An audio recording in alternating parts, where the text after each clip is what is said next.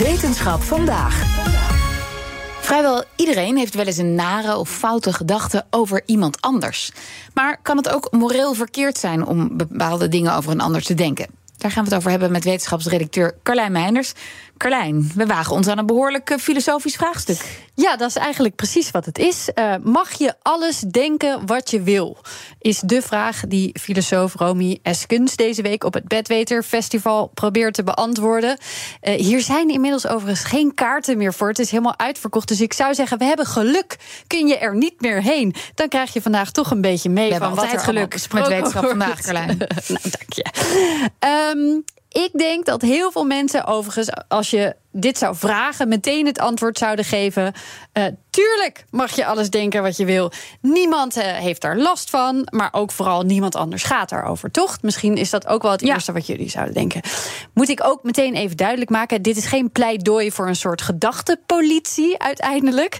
Uh, Eskens is gewoon benieuwd wat het bestrijden van sociaal onrecht eigenlijk van ons vereist. Dus hoe creëer je een rechtvaardige samenleving zonder seksisme, zonder racisme? En gaat dat misschien verder dan alleen letten op wat we zeggen en wat we doen? Hmm, maar ja, als je dit gaat onderzoeken, dat is ontzettend lastig. Dat is niet makkelijk. Ja.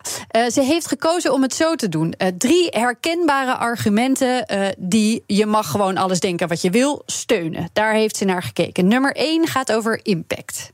Gedachten en gevoelens die we gewoon voor onszelf houden die zijn geen onderdeel van die interacties. Die hebben geen impact op anderen. En dus hoe kan het dan moreel verkeerd zijn? Ja, dat is uh, dus klinkt logisch. Ja, klinkt logisch. De tweede heeft betrekking op vrijheid. Als we dingen ook al niet meer mogen denken, wat mogen we dan nog wel? Weet je wel? Um, dan heeft moraliteit eigenlijk gaat het een beetje over de grens heen van de mate waarin het onze vrijheid mag inperken. Mm -hmm. En dan is er nog privacy.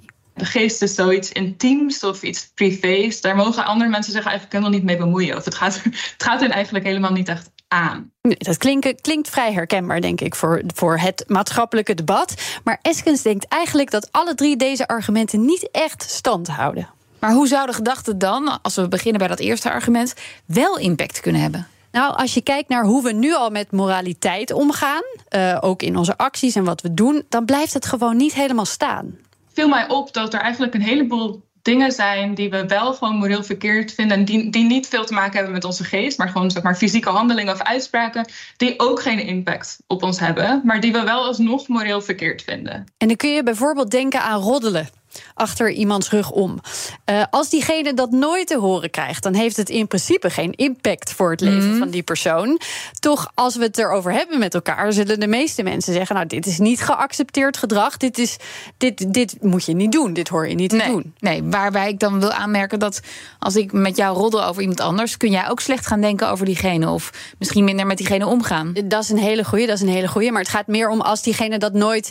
Nee. Uh, zelfs al is er geen impact voor die persoon dan nog vinden we. Klopt. Ja. Uh, dat we dat niet horen te doen. En dan naar het argument van vrijheid. Ik mag toch denken wat ik wil, daar heeft niemand wat mee te maken. Ja, dan zegt ze: er zijn ook al genoeg dingen die we niet mogen die onze vrijheid beperken, maar die we wel met z'n allen accepteren, omdat het moreel verwerpelijk is om het wel te doen. Uh, denk aan stelen, uh, liegen, um, uh, zelfs iemand vermoorden. Beperkt je mogelijkheden, beperkt je vrijheid. Mm -hmm. Maar daarvan hebben we allemaal gezegd, daar weegt vrijheid om alles te doen wat we willen niet tegenop. En je kunt hetzelfde ook bedenken bij gedachten. Wint soms moraliteit het niet gewoon van het mogen denken wat je wil. Hmm. En dan houden we nog één argument over dat van de privacy? Ja, die is best wel ingewikkeld. Uh, hier is wel wat tegen in te brengen, want je vindt een soort interessante cirkelredenatie hier. Heel vaak zeggen we ja, het is privé en dus is het niet moreel verkeerd eigenlijk, want het gebeurt alleen maar in mijn hoofd. Waarom is iets dan privé? Nou, omdat het geen morele zaak is, mag mm. ik dat gewoon voor mezelf houden. Deze is best wel ingewikkeld. Um, maar nadat we ze alle drie besproken hadden, vroeg ik me ook af of zij zelf, dankzij haar eigen onderzoek nu, anders is gaan denken over deze hele kwestie. De kracht van die argumenten die ik eerder noemde, het impact, vrijheid en, en uh, privacy-argument, dat ik ja, eigenlijk de kracht daarvan wat meer voelde. En dat ik dacht van, nou, dat zijn wel echt hele goede punten. Maar eigenlijk hoe meer ik erover na ben gaan denken, hoe meer ik denk dat um, ze misschien maar deels lukken of misschien helemaal niet. Ja, ik ben wel iets sceptischer geworden over het je mag zomaar alles denken wat je wil idee. Ja, vooral ook, zei ze, omdat de relatie die we hebben met de mensen om ons heen, als onbekenden van elkaar in de maatschappij, uh, volgens haar dus ook gewoon een mentale component zou moeten hebben. Dus niet alleen niet racistisch roepen, maar ook nadenken over hoe we over elkaar nadenken op dat gebied. Het zou onderdeel moeten zijn van de discussie, van het publieke debat. Uh, wat zit er achter de uitspraken en het gedrag? Waarom denken anderen zo? Of denk ik dit? Uh, en toch ook wel wat strenger zijn, dus voor hoe we nadenken zelf. Denken jullie, wat denken jullie? Ja, ik probeer heel erg mee te gaan in deze argumentatie.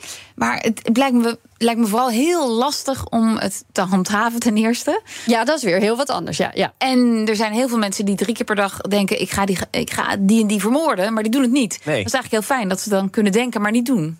Ja, is dat fijn? Dat is dus een beetje de vraag. Ja. Filosofie, is sowieso moeilijk. En ik dacht, dacht ook tijdens het gesprek: ja, is er eigenlijk nog wel genoeg ruimte in het, ons dagelijks leven om te filosoferen? Vroeger had dat denk ik een hele andere lading dan nu. Dan was je filosoof en dan dacht je na over het leven. En nu denken we misschien wat meer: ja, laten we gewoon wat doen in plaats van een beetje erover filosoferen. Ik denk dat het op zich ook al best wel wat zegt dat ja, we kunnen er wel over filosoferen al een beetje een manier is om het juist niet te doen, zeg maar.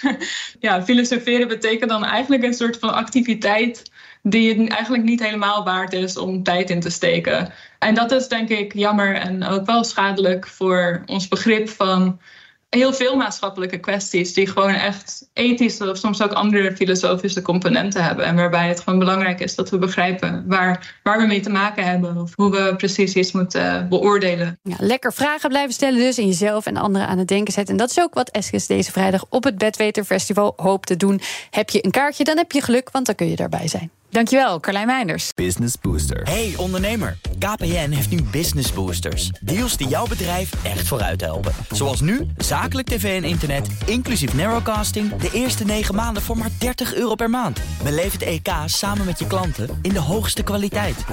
Kijk op kpn.com businessbooster. Business Booster.